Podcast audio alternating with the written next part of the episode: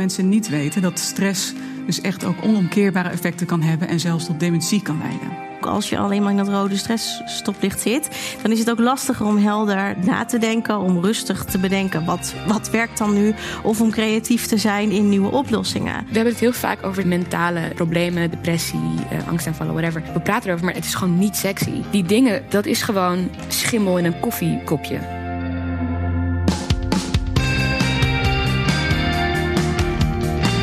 Kennis is er om gedeeld te worden. In Utrecht maakt kennis, een programma van Podium, ontdek je de tofste onderzoeken van de Hogeschool Utrecht van dit moment. Live vanuit Bibliotheek Neuden zoeken wij tot op de bodem uit wat deze onderzoeken ons kunnen leren over de wereld waarin wij leven. Bezoek Utrecht maakt kennis live of abonneer je op de podcast van Podium.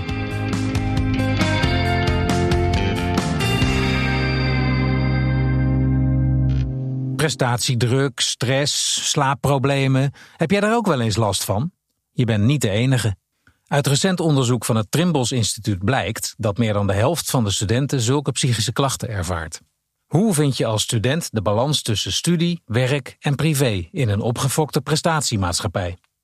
Daarover gaat deze editie van Utrecht maakt kennis. Te gast zijn lector Josje Dikkers van het lectoraat Organiseren van Waardig Werk Irza Latumahina van het Student Support Center van de HU en spoken word artiest Zaire Krieger.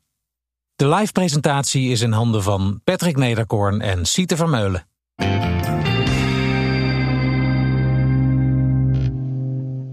We hebben er allemaal wel eens last van. Stress. Maar hoe werkt dat nou precies in je brein? Je hoort Josje Dikkers. Dat gaat op een hele ingewikkelde manier. Dat is niet 1, 2, 3 en niet heel makkelijk te plaatsen waar dat precies in onze hersenen zit. Deels heeft het te maken ook met hormonen die vrijkomen op het moment dat je stress ervaart, cortisol onder andere. Dat heeft allerlei invloed op de werking van onze hersenen, hoe goed ze hun best doen. hoe goed ze uh, eigenlijk in de software werken, zeg maar. Maar ook in de hardware. Het kan ook echt de manier, de, de, ja, de, de, de werking van ons, ons brein kan het beïnvloeden. En in het begin is dat omkeerbaar en later helaas niet meer. En dat is iets wat veel mensen niet weten: dat stress dus echt ook onomkeerbare effecten kan hebben en zelfs tot dementie kan leiden. Josje haalt een model aan van Bruce McEwen, die ontzettend veel onderzoek deed naar het effect van stress op onze hersenen en daarmee op ons gedrag. Ja, wat ze zien daarboven, daar gaan we straks verder op in hoor. Wat factoren die van invloed zijn op stress en hoe dat uh, onze brein en onze werking van de hersenen kan beïnvloeden. En je ziet eronder een hele mooie lijn: allostase, nou, adaptatie en ertussenin zit allostatic load. Dat is een belangrijk begrip. Allostase wil eigenlijk zeggen in balans. Homeostase wordt het ook wel genoemd in de literatuur. Oftewel, alles is in evenwicht met elkaar. Super fijn, dan voel je je helemaal relaxed en oké. Adaptatie wil zeggen dat we ons aan gaan passen. Dus oftewel dat uh, onze hersenen iets gaan doen... Um, waardoor we ons aan gaan passen aan de situatie die ontstaat. Allostatic load in het midden wil eigenlijk zeggen de, de druk die dat aanpassen vergt. Dat is een soort belasting. Dus je kunt het eigenlijk vergelijken met gewicht heffen. Op het moment dat je een bepaald gewicht heft en dat gaat goed, dan is dat helemaal oké. Dan ben je helemaal eh, in balans. Op het moment dat je wat gewicht erbij doet, dat zal in het begin niet meteen heel lekker gaan. Tenzij je heel getraind bent. Maar als je dat langzaam opbouwt, dan, voel, dan voel je eigenlijk die belasting van die vijf kilo erbij, bijvoorbeeld, of twee, of weet ik veel wat je erbij pakt. Dat is allostatic lopen, en dan vertaald naar een fysiek voorbeeld van belasting. Dat is eigenlijk de werking van, uh, van stress op korte en lange termijn. Maar wat zijn nou de gevolgen van stress?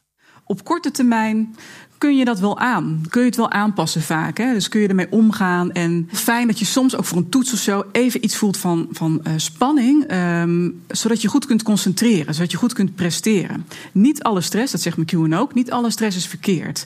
Soms heb je het ook nodig of om uit een lastige situatie te komen. Hè? Um, als er ineens een fiets op je afkomt, dan is het fijn dat je heel even wat voelt. Fight, flight of freeze, hè? die respons. Dus korte termijn uh, kan er het een en ander ontstaan wat nog onomkeerbaar is. Hè. Dus dat kan nog uh, herstellen. Haperende executieve functies. Dat zijn eigenlijk de functies die je nodig hebt in alle dag om je dagelijks functioneren te kunnen doen. Dus om te plannen, die is voor de studie ook heel vaak belangrijk zijn. Om te kunnen plannen, om te kunnen organiseren, om nou ja, gewoon je bed uit te komen en je dingen te doen.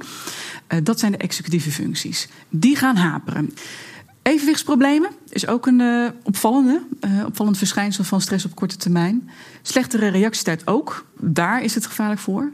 En geheugenklachten, daar kun je het ook uh, aan merken. Dus dat je gewoon soms even de dingen niet meer zo goed weet. Van, hoe zat het ook alweer? Wie was het ook alweer? Wat had ik ook weer afgesproken? Nou, dat zijn van die signalen.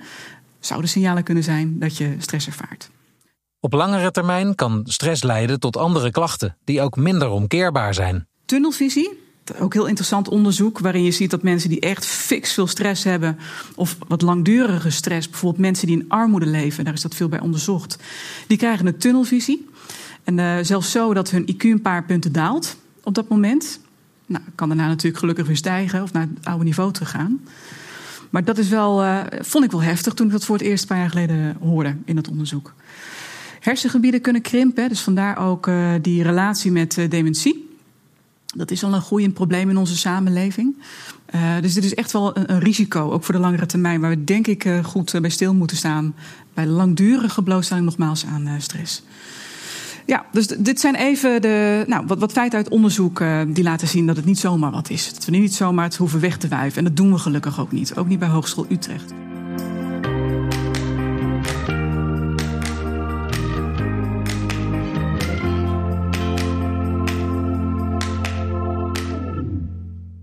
Wat zijn nou de oorzaken van stress? Op, op drie niveaus even geordend, want ze spelen op allerlei niveaus en dat werkt ook op elkaar in. We starten bij het individu. Levensfase, belangrijk. We weten uit onderzoek, onder andere naar werk-privé-balans, werk-privé-conflict, dat vooral ouders van jonge kinderen bijvoorbeeld veel last hebben van werk-privé-conflict. Logisch, er moet van alles tegelijkertijd gebeuren.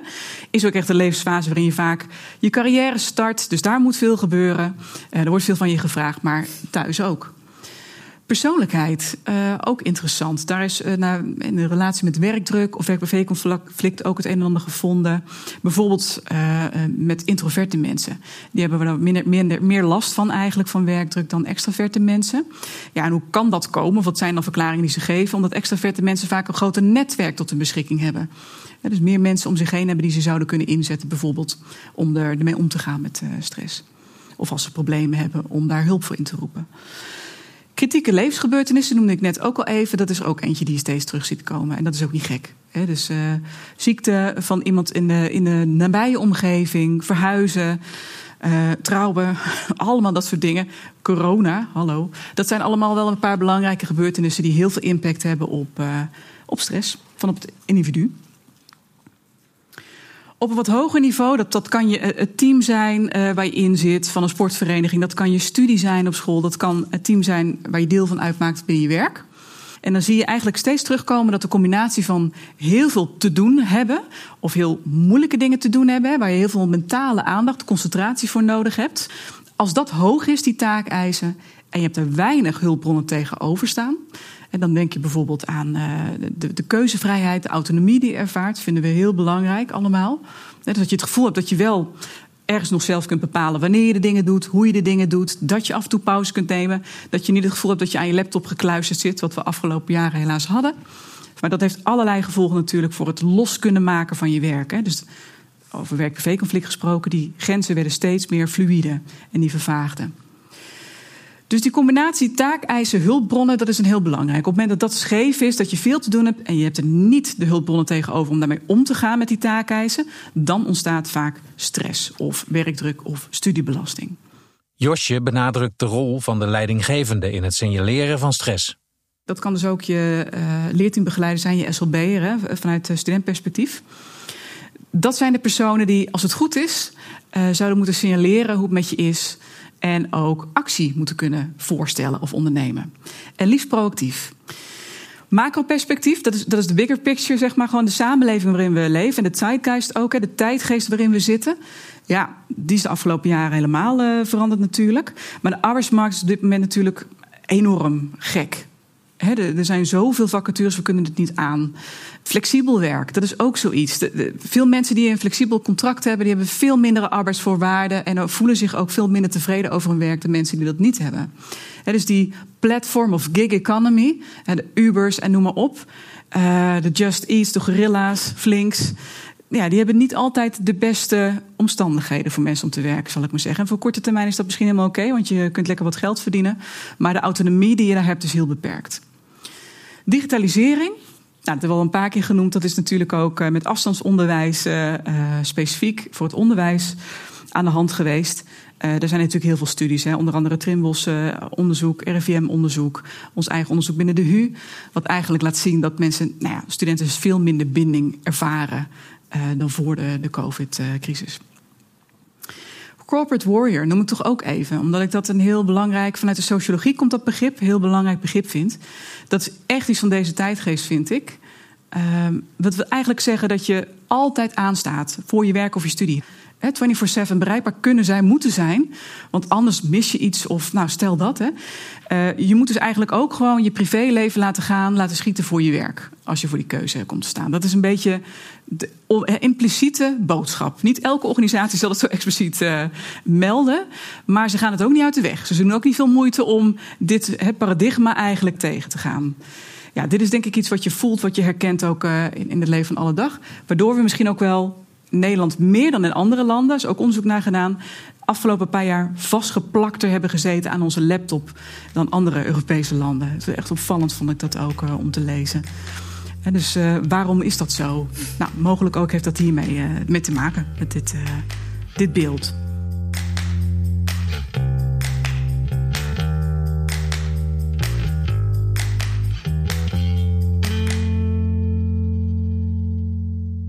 Is het dan hopeloos? Nee, ik ga jullie niet zo uh, naar weg sturen. Ja, precies, van laat maar zitten met al die invloeden.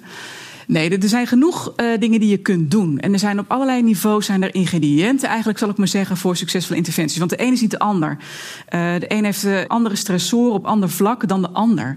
Dus dat kun je niet over één kam scheren. En dat is dus weer die rol van de docent of leidinggevende in de werksituatie om daar keen op te zijn. En te weten, hé, hey, dit is volgens mij een hele mooie match voor deze persoon. Even wat, wat ingrediënten dus uh, die kunnen werken. Waarvan we weten uit onderzoek dat ze werken. Bewegen, nummer één. McEwen zegt dat ook. Bewegen is key. Op het moment dat je niet beweegt, dat, dat helpt gewoon zo. Het bewegen om te ontspannen. Om ruimte te zien letterlijk ook. Hè. Dus die oogkleppen van die, die focus, die gaan, van die tunnelvisie gaan weg op het moment dat je regelmatig beweegt. Um, het heeft gewoon allerlei mooie effecten, ook voor de, de hersenen, de werking daarvan. Ontspanning, ja, dat is makkelijker gezegd dan gedaan. Voor sommigen werkt dat door dat bewegen, komt dat ook samen. Voor mij werkt dat in ieder geval wel zo. Uh, maar mindfulness, daar is ook heel veel onderzoek naar gedaan de laatste jaren. Schijnt ontzettend goed te werken ook uh, bij stress. Nogmaals, zal niet voor iedereen je ding zijn of werken. Meditatie hetzelfde, maar aangetoond dat het wel werkt als mensen daar gebruik van maken en het past bij je. Bespreek zorgen met mensen in je omgeving. Dat is ook een heel belangrijk. Wie dat is, dat, dat hangt ook weer vanaf bij wie je het prettigst voelt. Het meest veilig op je gemak. Maar doe het. Andersom natuurlijk ook. Hè. Daar komen we weer, die, die leidinggevende of uh, docent, in ons geval uh, in ons werk, die dan ook dat in de gaten houdt en, en proactief de, de, handreiking doet. Maar dat is een hele mooie wisselwerking, want bij goed werkgeverschap hoort ook goed werknemerschap. Dat is wel waar het begint en waar je samen in ieder geval na kunt denken. Je kunt niet alles oppakken. Leidinggevenden zijn niet allemaal psychologen, maar kunnen wel goed doorverwijzen. En hetzelfde geldt voor leerteambegeleiders, kunnen wel goed doorverwijzen. Als ze informatie hebben in ieder geval. Dat even tot nu. Dank jullie wel. Zijn we ook drukker geworden? Hmm. Ja, dat is een goede vraag. Ik, ik, denk het wel. Als je dus kijkt ook weer naar onderzoek meer vanuit sociologisch perspectief, hè, waar ook die corporate warrior trend uh, in uh, past, dan zie je dat wel. Maar ook mensen als Paul Snabel of hè, mensen vanuit SCP, Sociaal Cultureel Planbureau, er zijn wel meerdere studies die dat zeggen, suggereren, aantonen met uh, uh, cijfers. Dus we zijn wel drukker geworden ja, de afgelopen jaren. Dat zou je wel kunnen constateren. Er is meer bijgekomen, werk is complexer geworden. He, dat is ook een hele mooie parallel met wat je bij heel veel opleidingen ziet gebeuren, ook binnen onze Hogeschool Utrecht. Dat we steeds meer rekening houden met die 21st century skills. Dat is niet voor niks. Dus omdat het werk steeds complexer wordt en we steeds meer ja, zogenaamde wicked problems eigenlijk hebben die, die jullie, wij moeten oplossen. Is er vanuit de zaal een vraag? Ja. Uh, we hadden het over de lange termijn effecten van stress. En ik vroeg me af wat uh, dan langer termijn is. Gaat het dan over mm. vier weken of gaat het dan over een jaar of uh, meerdere mm. jaren?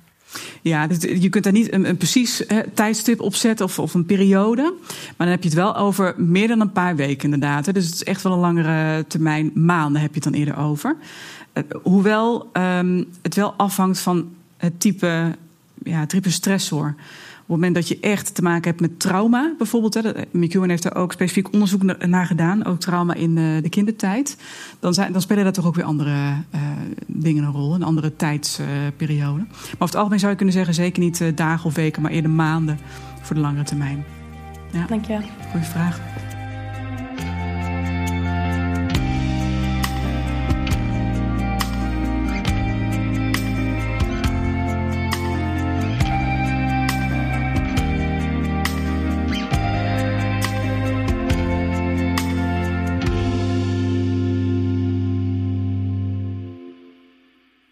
Volgende gast is Irza Latomahina, trainer van het Student Support Center van de HU. Jij hebt de training stressles ontwikkeld. Uh, je hebt natuurlijk uh, net gehoord over Josje en ook uh, het onderzoek van Trimbos. Mm -hmm. Wat zie jij onder de studenten gebeuren? Nou, ik denk dat uh, uh, het onderzoek waar je uh, naar verwijst en wat jullie ook al noemden, hè, dat grote onderzoek in Nederland, waaruit best wel heftige resultaten naar voren kwamen. Um, eigenlijk kwam dat natuurlijk niet heel erg uit de lucht vallen. Het is eigenlijk al jaren zo dat er steeds meer onderzoek wordt gedaan naar het welzijn van studenten. Dat je ook in de praktijk, in de wandelgangen, steeds meer hoort over studenten die niet zo lekker gaan of die um, misschien wel uitvallen al heel jong met burn-out verschijnen. Um, dus het is iets wat, um, uh, ja, wat, wat je ook in de praktijk ziet en wat eigenlijk die, die resultaten wel bevestigt in die zin. Dus steeds meer stress, spanning uh, en dan die stress en spanning ook het hoofd niet meer kunnen bieden. De training van Eerza en haar collega's biedt studenten tools en tips om met stress om te gaan. Bijvoorbeeld um, de soort kleine bodyscan die we dan ook in de sessie doen. Uh, je kunt hem eigenlijk op heel makkelijke manieren uh, tussendoor inzetten. Je hoeft niet per se hè, urenlang plat en dan een bodyscan te doen. Je kunt het ook gebruiken om tussendoor even in te checken van hoe zit ik er nou eigenlijk bij. Of om tussendoor weer eventjes de ontspanning uh, op te zoeken. maar we gaan ook bijvoorbeeld in kaart brengen van wat zijn nou um, stresssignalen voor jou. En vaak weten we heel goed wanneer je heel gestrest bent, hoe dat voelt en wat er dan gebeurt. Hè, dan zit je vaak al wat vast. Uh, maar eigenlijk zit daar nog een fase voor. We werken in de training met uh, een stressstoplicht. Um, en dan heb je dus nou ja, groen, oranje en rood. Nou, rood weten we vaak. Stress, niet fijn. Um, maar wat voel je nou? Wat gebeurt er nou eigenlijk al bij dat oranje stoplicht? Dus daar er zitten ook oefeningen in om dat dan te onderzoeken. Zodat je die eerste stresssignalen kunt gaan herkennen. Uh, en dan op dat moment die, die tips en tricks en die tools kunt gaan inzetten. Of dat als je toch hè, onverhoopt een keer in het rood terechtkomt, dat je ook wat tools vast hebt of, of weet van dat werkt voor mij, of dat kan ik dan doen. Um, want ja, het onderzoek blijkt ook dus, dat hoorden we net ook, als je alleen maar in dat rode stressstoplicht zit, dan is het ook lastiger om helder na te denken, om rustig te bedenken wat, wat werkt dan nu, of om creatief te zijn in nieuwe oplossingen. Ja. Dus dan is het mooi als je dat vanuit. Um, uh, vanuit groen of oranje al kunt bedenken. Zodat als je dan in oranje zit, je ook al wat klaar hebt liggen. Ja. Hoe zie je het over vijf jaar in de toekomst? Hoe zie je dat dan voor je? Is het dan. Heeft iedereen inmiddels de training gevolgd? Hoe zie je dat voor nou, je? Als ik mag dromen, dan, dan zou deze training um, uh, of onderdelen van de training vast in het curriculum zitten. Dat zou natuurlijk top zijn. Dat je eigenlijk iedere student, of misschien zelfs wel uh, op, de, uh, op de basisschool. Alle universiteiten, hogescholen, MBO's, basisschool. Ja, waar je Ook maar, basisschool. nou, eigenlijk, hè, het gaat over life skills. Hè. Het gaat over omgaan met, met, met, spanning in het leven. Um, en ik denk eigenlijk dat je dat het liefst zo vroeg mogelijk meegeeft, tools daarin. Hoe doe je dat nou uh, met spannende dingen omgaan? Hè? Als je het even vertaalt naar nou, de kleintjes of zo. Um, dus als ik mag dromen dan, uh, en het binnen de hogeschoolcontext houdt, dan hebben we um, nou, in, uh, in iedere opleiding gedeelte van deze trainingen.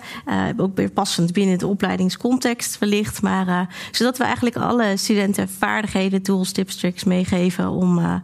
Uh, met uh, het drukke leven en de prestatiemaatschappij uh, om te gaan. Ja. Hey, en ik heb nog één vraag. Um, ja. Want de HU is hier dus heel erg mee bezig. En tegelijkertijd is de HU natuurlijk ook een stressor. He, ze leggen een curriculum op, je moet aan dingen voldoen. Kan je, ja. Wat zijn eigenlijk de mogelijkheden om aan te geven dat je het niet redt? Zit er ergens een rem? Kan je tegen docenten, tegen je studiebegeleider zeggen: Ik trek het even niet? Wat, wat zijn je opties als je in de stress zit als student? Ehm, ja, ik denk, er zijn natuurlijk altijd mogelijkheden. Want als het niet meer gaat, dan gaat het niet, zeg maar. Dus uh, ik denk dat we met elkaar daarin ook die, die openheid, wat, het moet wat normaler worden om dat aan te kunnen geven. En daarin hebben we allemaal een rol, uh, als begeleiders een voorbeeldrol. Uh, want je moet ook als studenten ruimte voelen om dat, om dat aan te geven. Um, daarin ligt er, denk ik, echt ook een, een cruciale rol voor die, voor die studieloopbaanbegeleider, de docent, ja. maar degene die echt direct om de studenten heen gaan. Um, ja, en als het goed is, weet die begeleider ook bijvoorbeeld weer mogelijke lijntjes binnen de huur, bijvoorbeeld naar het Student Support Center. Of um, he, jouw soort vraag hoort dat misschien wel weer thuis bij de decaan. Of misschien kan je begeleider zelf he, wel wat eerste stappen met jou ondernemen. Um, dus ja, ik zou zeker zeggen, uh, je, het eerste aanspreekpunt is, je, is die begeleider. En ja. die gaat als het goed is met jou dus kijken hoe wat. Leren te herkennen bij jezelf. Je kunt preventief dingen doen om inzicht te krijgen in hoe het werkt. Als ja. het toch misgaat, geef het aan, praten over. Mm -hmm. En je kunt altijd aan de rem trekken als het, als het, echt, uh, als het echt zo is.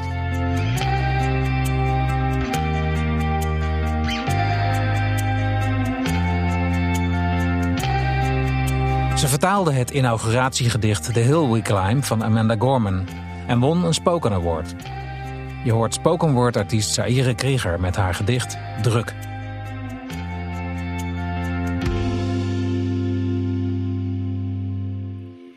Het kan altijd beter. Je kan de nacht doorhalen tot in de puntjes strepen en elk woord bezinnen.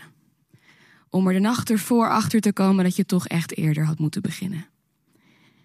Je kan alleen jezelf verwijten wanneer je een hele dag kan slijten met alleen Netflix op je netvlies en spijt in je lijven. Je hebt jezelf ervan overtuigd dat je onder druk het beste levert, maar eigenlijk ben je veel te lui om zo'n perfectionist te wezen. Lustig voor positie en verkrampt op je voetstuk. Onrustig door ambitie en verlamd door de druk. De druk van generaties op jouw schouders. Jouw voorouders vertrouwen dat jij van hun ketenen kronen gaat bouwen. Ja, jij gaat het doen voor oma, opa, mama, papa, nichtjes en voor neefjes. Het kan altijd beter, want de hele familie die moet eten. En je speelt voor alle mensen van jouw kleur. Want we staan al 1-0 achter. Door die koloniale sporen weet je wat een valse start is. Maar elke keer als de opsporing verzocht, dan hoop je dat hij niet zwart is. En je bent doodsbang. Bang net als wij allemaal.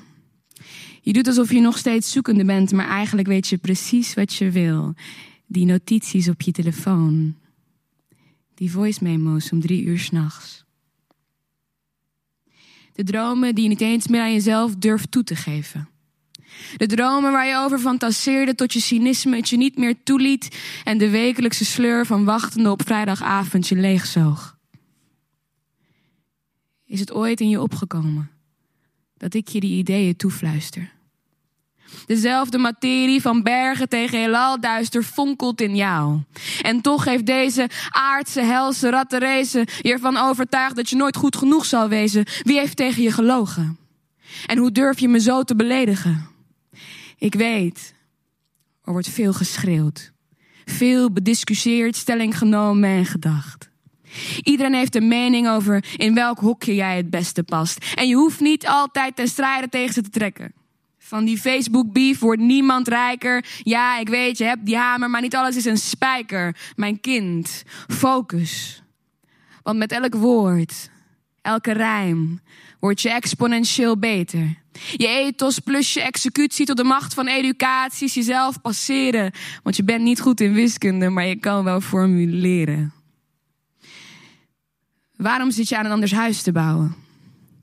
Ik heb je gecreëerd om te creëren en toch zit je hier te herkauwen. Zeg me, sinds wanneer is die vloer zo comfortabel geworden? Sinds wanneer is middelmatig je maatstaf? Die erfzonde is je lot niet. Door die evacuatie weet je dat je uit mij voortkwam, dus waarom kruip je nog van dag tot dag happen naar Adam? En ik zie al je streven. En ik weet dat het lijkt alsof het iedereen zo makkelijk afgaat. Maar ze voelen aan als thermometers en mijn plan voor jou is thermostaat. En zoveel wind en storm zijn door je propellers gegaan.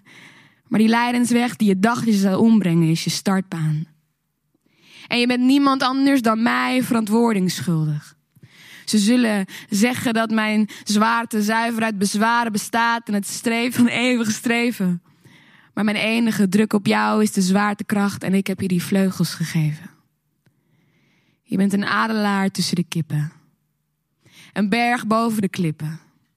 Als je onder druk wil zitten, in de rats wil zitten, weet dan dat ik je nooit meer zal geven dan wat je aan kan. Het kan altijd beter. Dus waarom kruip je nog als je vliegen kan? Dankjewel. Dankjewel. Alsjeblieft. Zaire. Je hebt na dit gedicht een periode gehad waarin je echt eigenlijk bijna tegen overspannenheid aan zat. Oh, ik heb heel veel. Ik heb, het, ik heb heel, veel, heel vaak de burn-out in de ogen gestaard, zeg ik ja. altijd. Ja, ik heb. Ik Waar heb, merkte je dat aan? Um, ik heb. Ik heb. Aan mijn eerste angstaanval was een paar jaar geleden. Daar heb ik ook stukken over. Uh, ik ik uh, deal daar, heb daar een paar, misschien een paar jaar mee um, geleefd. En toen op een gegeven moment had ik ook een soort van bodycheck van mijn therapeut. Die weet, nu weet ik hoe ik daar om mee moet gaan. Um, ik, ik, ik heb mentaal echt hele, hele diepe downs gehad. Um, um, wat was de vraag ook alweer? Nou, en wat, dus wat, wat je toen, ik zei, je zat oh, ja, hoe dat je merk, in de ogen, hoe, hoe ik dat merk. Um, mijn ruimte is heel rommelig, wordt heel rommelig. Letterlijk de ruimte van je Als ik in mijn hoofd heel rommelig is. Ja, ja. Ik denk dat zeg maar, we hebben het heel vaak over zeg maar mentale um, problemen, depressie, uh, angstaanvallen, whatever. Maar mensen vergeten dat dat soort dingen gewoon, je praat erover, maar het is gewoon niet sexy. Die dingen, die, dat is gewoon schimmel in een koffiekopje. Begrijp je? Dat is gewoon heel, even heel fysiek. Dat je gewoon in je bed zit en dat je er niet uit kan komen. Ja. Dat, dat voelde ik. Heb ik een tijd gevoeld. Dat ik gewoon dacht, ik, ik wil gewoon deze dag niet beginnen. Want ik voel me al zoveel druk alleen maar bij het opstaan. Of heel veel slapen heb ik ook gehad. Dat ik gewoon echt wilde slapen. En wat heb je geleerd van die, van die periode? Nou, sowieso delen met mensen. Ja. Ga niet in je, in, je, in je kleine schulpje zitten en sad zijn. Ga het vooral delen met mensen. Met verschillende mensen die je vertrouwt. Um, ga gewoon naar die therapeut. Ga gewoon naar je huisarts.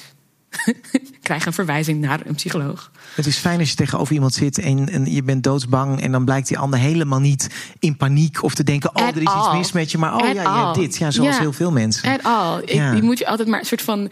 Ik denk soms, kijk naar mijn therapeut, denk ik. Ben ik het ergste wat je ooit bent tegengekomen? Nee, hè? Nee, toch? Dat kan niet. Dat kan niet. Nee, dat kan niet. Dus dat is een soort van. ik werd ook een soort van zelfs daar soms had ik in het begin het idee van... heb ik het goed gedaan?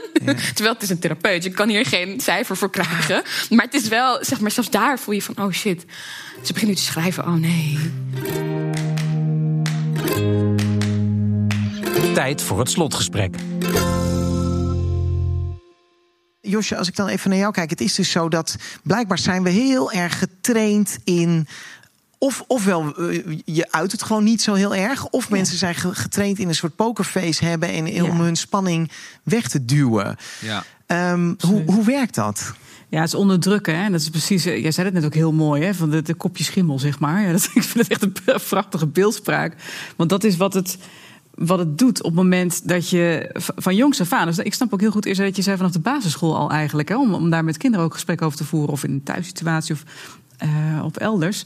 Want van jongs af aan weet je eigenlijk al van nou, wat hoort en wat hoort niet. Hmm. Mm. En het hoort niet zo om inderdaad, uh, nou ja, om het te hebben over dingen die niet zo lekker gaan. Hè. Het is toch, als je nu ergens werkt, hè, dan is het toch wel van hoe gaat het met je? Ja, druk, druk, druk. Want anders dan hoor je er ook eigenlijk niet bij. Ben je ook een beetje een loser. Mm.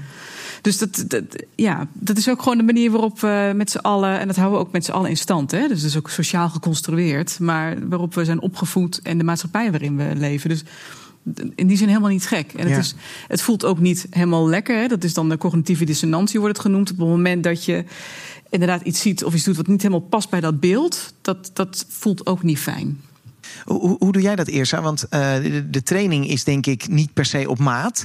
Maar uiteindelijk is het wel zo dat je op maat oplossingen nodig hebt. Ieder mens Mhm. is anders. Ja. Hoe ga je met dat spanningsveld om? Ja, um, het is zeker niet in die zin niet op maat, maar het is wel een hele. Uh, de training is heel divers en biedt dus uh, voor ieder wel de mogelijkheid om nou, te pakken wat hij kan aannemen of mhm. wat op dat moment past.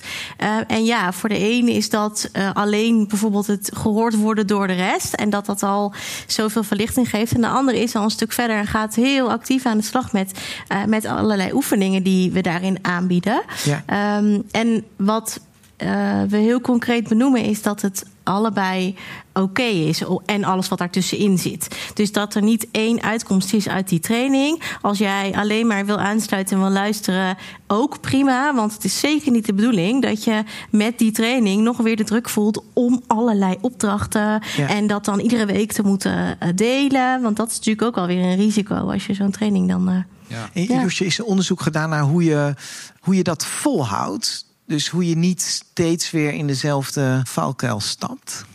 Ja, wat je in ieder geval ziet is het, toch ook wel de, uh, de positieve ervaringen daar op terugkomen regelmatig. En dat is ook iets wat en onze studenten ook bij de opleiding HR hebben dat verschrikkelijke reflectieopdrachten. Maar het is niet voor niks dat we dat doen, omdat het toch je bewust maakt, wat jij ook zei, hè, van het, het in een curriculum inbedden eigenlijk in je opleiding, zodat je op meerdere momenten erop terugkomt.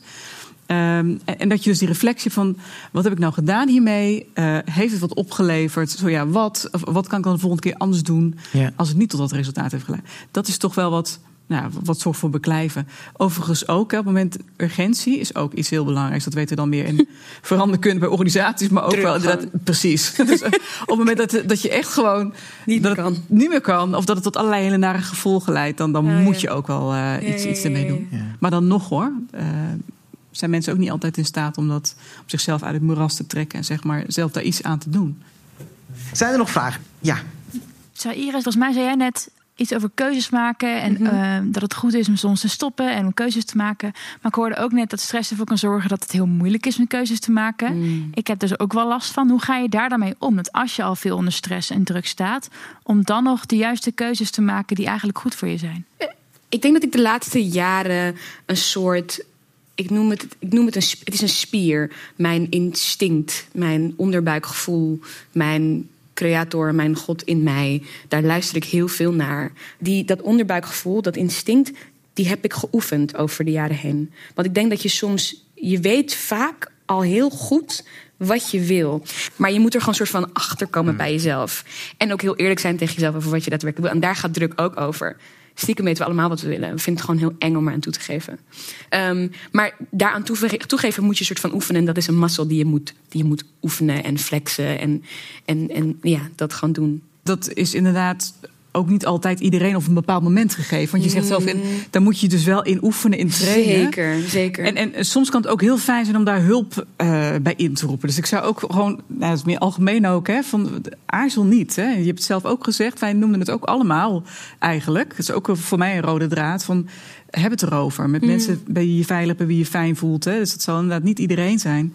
Maar misschien kennen zij wel een, een eh, een, een mooie cursus of iemand of uh, manier om naar die inner voice inderdaad te luisteren en, en uh, daarmee om te gaan. Ja, laten we dat misschien tot slot nog even zeggen. Eerst dat de weg naar het Student Support Center is geen. Daar zit geen drempel, maar eerder een rode loper. Dus ga daar vooral heen als je, uh, als je erover wil praten. En uh, ook als je misschien wel over de drempel bent en je instinct zegt: ik kan het zelf, ga je het zelf doen. Dat is allemaal goed. Laten we die spier goed uh, ontwikkelen. Mag ik jullie heel erg danken voor jullie ja, openhartigheid en uh, jullie wijsheid. Dankjewel. Josje, Zaire en Eerza. Dank jullie wel.